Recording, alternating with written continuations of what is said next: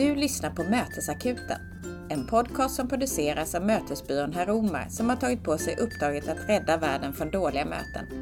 I varje avsnitt lyfter vi en fråga eller idé som kan bidra till bättre möten. Idag ska vi prata om hur den som leder möten kan arbeta mer metodiskt och samtidigt öka möteskvaliteten. Mötesledaren bör se sig själv som en dirigent som leder en orkester, men som också ska hantera dikeskörningar och ekorrhjul. Den närmaste kvarten ska vi prata mer om detta och ge er några tips som ni förhoppningsvis kommer att ha nytta av när ni ska genomföra era kommande möten. Välkomna!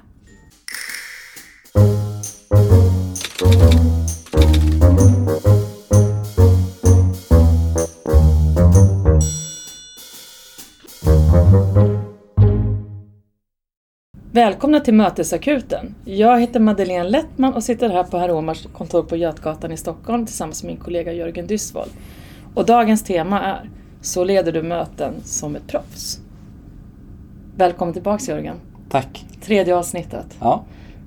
Du, det här avsnittet känner jag ligger mig lite mer varmt om hjärtat om man får säga så. Är det så? Ja, jag har nog alltid känt lite utmaning och lite press på mig själv. Liksom det är att leda möten och göra det bra och det ska vara roligt och det ska vara energifyllt och det är så mycket man... Ja. Men är det din grej att leda möten?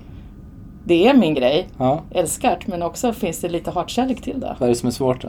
Nej men det är nog just att uh, allting ska falla på plats kanske och jag tänker att ibland tror jag att man fokuserar på fel saker egentligen vad det innebär att leda möten. Och jag tänker att det här ska du hjälpa mig och hjälpa oss som lyssnar att reda ut Ja. lite grann, eller hur? Hoppas det. Ja. Eller ge lite vägledning i alla fall. Ja. För förra veckan pratade vi om att skapa möten och idag ska vi prata om att leda möten. Och det här är ju en jätteviktig del av Meetfulness. Eh, Och många bevittnar precis som jag pratade om liksom att det är utmanande. Eh, Och vi brukar ju prata om att leda möten, eller framförallt du pratar om att brukar leda möten är som att dirigera en orkester. Jag tycker det är en jättefin liknelse och den ska du få berätta lite mer om sen. Men min bild är ju lite att på grund av att vi pratar för lite om hur utmanande det är så får vi inte heller någon utbildning i det och chefer kanske inte se, eller våra chefer kanske inte ser att det är viktigt att vi blir utbildade i det. Nej, man har kanske bilden av, eller idén om att det är någon slags naturbegåvning som vi bara har ska vara med oss genetiskt. Ja, vi har ju bedrivit en revolution mot dåliga möten sedan 2010, så det är 13 år nu. Och jag har varit ute massor av gånger och föreläst om mötessjukan och delat med oss av tips kring hur man kan bota den. Och nästan alltid så kommer det fram någon efteråt och säger du, jag har jobbat som chef i 8, 10, 14 år och eh, jag har aldrig fått någon utbildning i hur man leder möten på ett bra sätt. Har du tips på någon sån kurs? Då kan man ju tänka sig att det är lite skrämmande att vi har varit inne på det i tidigare avsnitt att många lägger halva sin arbetstid eller mer, framförallt chefer, på att delta i och att leda möten. Och att vi har en arbetsuppgift som vi lägger så kolossalt mycket tid på men som vi får så lite träning i hur man gör på ett bra sätt. Men det är inte bara att leda möten utan att också planera möten och att delta i möten som, som vi behöver mer träning på. Men framförallt leda möten för det är väl kanske den viktigaste rollen som har direkt påverkan på vilken kvalitet det blir på mötet. Men då tillbaks till det, liksom den här känslan som jag bär med mig ibland. Men vilket ansvar har man då? Liksom den, den som leder mötet. Man har ju ett stort ansvar men inte det fulla ansvaret. För att eh, även, och det har vi ju varit inne på innan också, att den som planerar mötet och mötesdeltagarna har också en del utav ansvaret. Men då kommer vi in lite grann på den här metaforen som vi jobbar mycket med, att mötesledaren är som dirigenten för en orkester. Och att man är ju, man spelar inte något instrument själv utan man leder ett antal personer som då spelar varsitt instrument och som spelar vid olika tillfällen och i olika stor grad. Men att man eh, och man spelar som sagt inget instrument själv då utan man ska ju få ihop det här till en helhet. Mm. Att det blir liksom någon harmoni och musik utav det hela där då. Och, eh, så det är väl ansvaret och, och bra egenskaper då är ju att man är duktig på att lyssna, man är duktig på att se om någon signalerar att de vill komma in, att man nickar men att man inte släpper in den direkt så att den stör och distraherar den som pratar just nu och så vidare. Och på så sätt så kan man ju då som dirigent också bidra till att skapa en harmoni i mötet. Och vem är dirigenten då, om man ska säga så? Då? Vem är det som ska leda möten egentligen? Ja, precis. Där, är ju, där brukar vi säga att den som är mest lämpad för det. Och jag brukar avråda från att säga finns det någon frivillig? För den som brukar räcka upp handen då är den som vill synas, vara i centrum och prata. Och det är inte en bra egenskap utan en, en god lyssnare är ju en bättre egenskap. Vi har en mun och två öron och det är för att vi ska lyssna dubbelt så mycket som vi pratar. För att det ska bli bra samtal.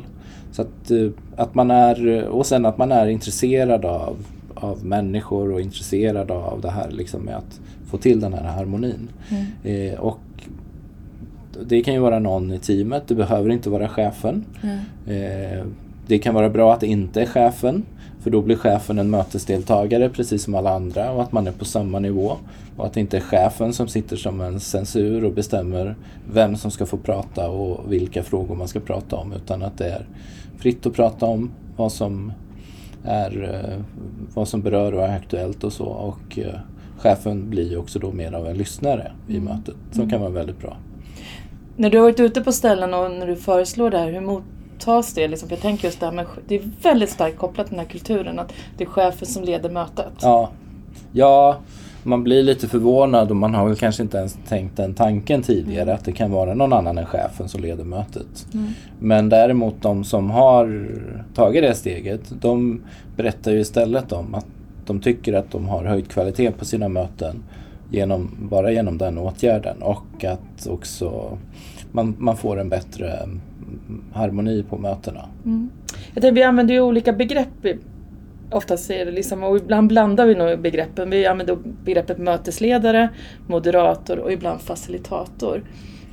Ska vi försöka reda ut den här? Vad är Ja, skillnaden? nej men det är ju alla exempel på mötesledare men i olika sammanhang. Och eh, man kan väl säga först då en moderator, då är det ju oftast en större konferens, ett större möte, någon som jobbar med att introducera de olika som ska medverka, presentera dem, leda intervjuer, kanske någon diskussion, debatt och liknande. Sen så har vi ju då mötesledare, då är det ju mera det klassiska mötet när man sitter nere i en grupp samlat runt ett bord oftast. Och den som ser till att vi följer agendan och att alla kommer in som vill komma in och, och tala kring de olika punkterna och så vidare och att vi fattar beslut. Och sen har vi den facilitator, då är det ju när mötet blir mer av en workshop, att vi inte bara pratar utan att vi också ska göra och åstadkomma någonting, ta fram nya idéer eller liknande. Och där jobbar man ju ofta med att man har designat upp en process. Facilitatorn är ju ofta den också som, som kan designa de här processerna. Men som sen också leder gruppen igenom de olika stegen i processen så att man kommer fram till det önskade resultatet. Och jag tänker ett bra tips är väl att faktiskt utbilda sina medarbetare i de olika rollerna. För då kanske det blir också naturligt att olika människor leder mötena. Ja precis, så det har ju vi i eh, den, eh, vi har ju en utbildningsmodul som heter just mötesdirigenten och där får man ju lära sig alla de här tre rollerna. Mm, jättebra. Men du, jag tänker vi ska en påminnelse till våra trogna lyssnare. För man får väl säga det efter två avsnitt, eller? Det tycker jag. Ja. Du sa någonting om, hur var det där med man skrev en bok och författare? Du sa förra avsnittet. Efter två böcker så får man kallas för författ- författare, Då- enligt vissa. Ja, då känner vi att nu nu är vi poddförfattare, eller hur? Ja, Ja. poddmakare. Poddmakare, det är ett Ja. bättre ord. Men du, om vi då ska prata om det här skillnaden mellan Meetfulness och Mötesakuten så folk förstår vad det innebär och vad skillnaden är. Just det. Meetfulness är vårt rehabprogram för att göra möten bra igen och det är ju för att åstadkomma en långsiktigt hållbar förändring på sin möteskultur eller förbättring på sin möteskultur. Men sen så är det ju många som också då man är inte redo att ta det steget än eller man har haft svårt kanske att sälja in till chefen att vi har problem med våra möten och behöver utbildning eller behöver vägledning. Så, så då har vi då mötesakuten som är kostnadsfri första hjälpen mot dåliga möten som man hittar på herromar.se motesakuten. Och det är också namnet på våran podcast där vi delar med oss av, av verktyg och tips och tricks och annat sånt. Första hjälpen, mera plåster och Alvedon. Och sen Meetfulness är ju rehabprogrammet då. Det, det består av ett antal steg. Först gör man en kartläggning, sen så får man hjälp med en diagnos på sin möteskultur och sen då förslag på antal åtgärder, en basutbildning och några spetsutbildningar och lite annat sånt. För att på riktigt kunna ta tag i och få en bättre möteskultur som också är långsiktigt hållbar. Och nu ska du få dela ut lite plåster Alvedon. För nu ska du få ge oss fem konkreta tips på hur vi kan bli bättre mötesledare. Exakt. Se till att komma förberedd. Gå igenom agendan, alla underlag och skissa på vilka frågor eller diskussioner som kan komma upp under mötet. Börja leda samtalet en stund innan. Se stunden innan mötet börjar som ett mingel med välkomstdrink. Hälsa alla välkomna och bolla upp ämnen för ett trevligt samtal som alla kan delta i. Börja mötet i tid.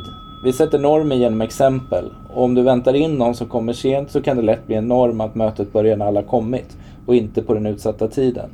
Respektera de som är punktliga genom att börja mötet på annonserad starttid. Inled med ramar och regler. Vi människor gillar att få ramar och regler för vad som förväntas av oss. Om man får använda digitala prylar om det behövs för mötet eller en uppmaning om att gå sidan om det dyker upp annat som behöver tas om hand om. Det är ett par exempel på hjälpsamma regler. Hantera dikeskörningar och ekorrhjul. Dikeskörningar är när någon börjar diskutera något som mötet inte ska handla om. Parkera då frågan på en lapp och hänvisa tillbaka till agendan. Ekorrhjul är ändlösa diskussioner. Hänvisa då exempelvis till att då tolkar jag det som att vi har två förslag på hur vi ska göra och föreslår en omröstning för att komma vidare. Det var dem.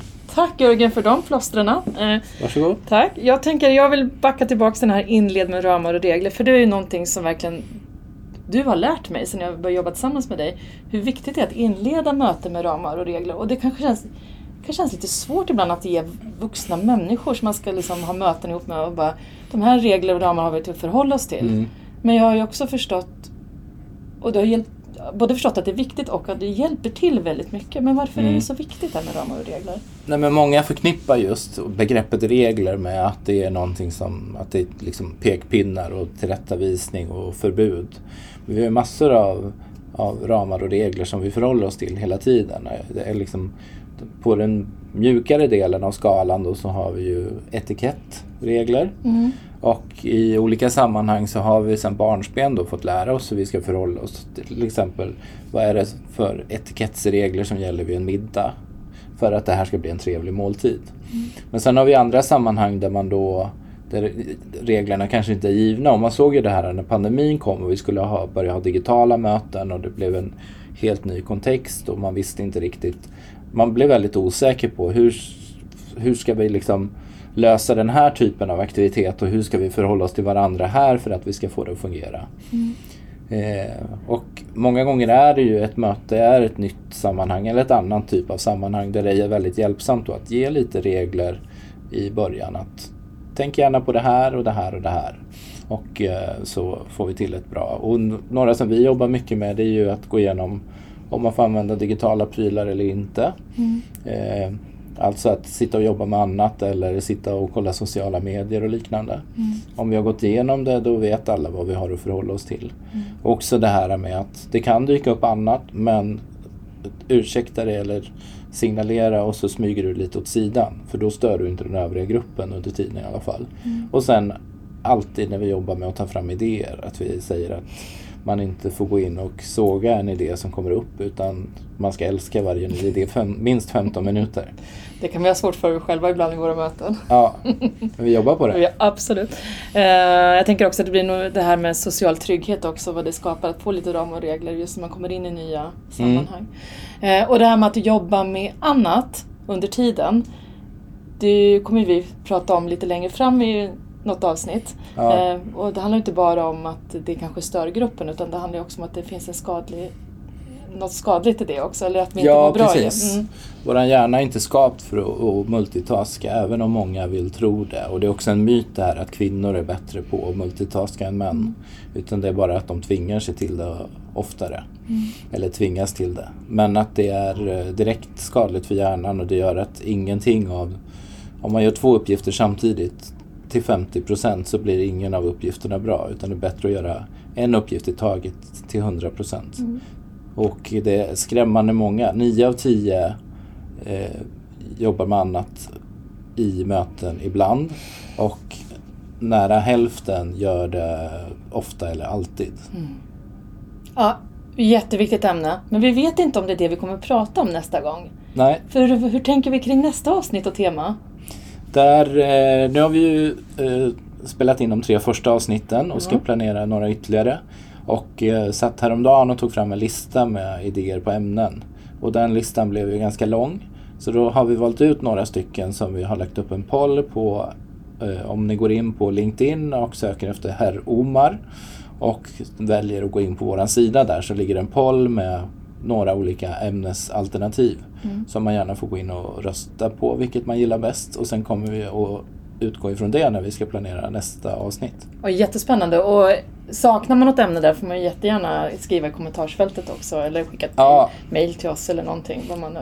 Gud ja, det är bara jätteroligt att få eh, tips på saker som vi själva inte har kommit på. Ja. Och de två tidigare avsnitten ligger uppe nu, eller hur? Exakt. Ja. Det, är- det är ju då en del utav mötesakuten som man hittar på herromar.se snedstreck motesakuten. Och där finns då förutom podden så finns det lite inspirationsartiklar och tips och tricks och annat som vi kommer att dela med oss utav.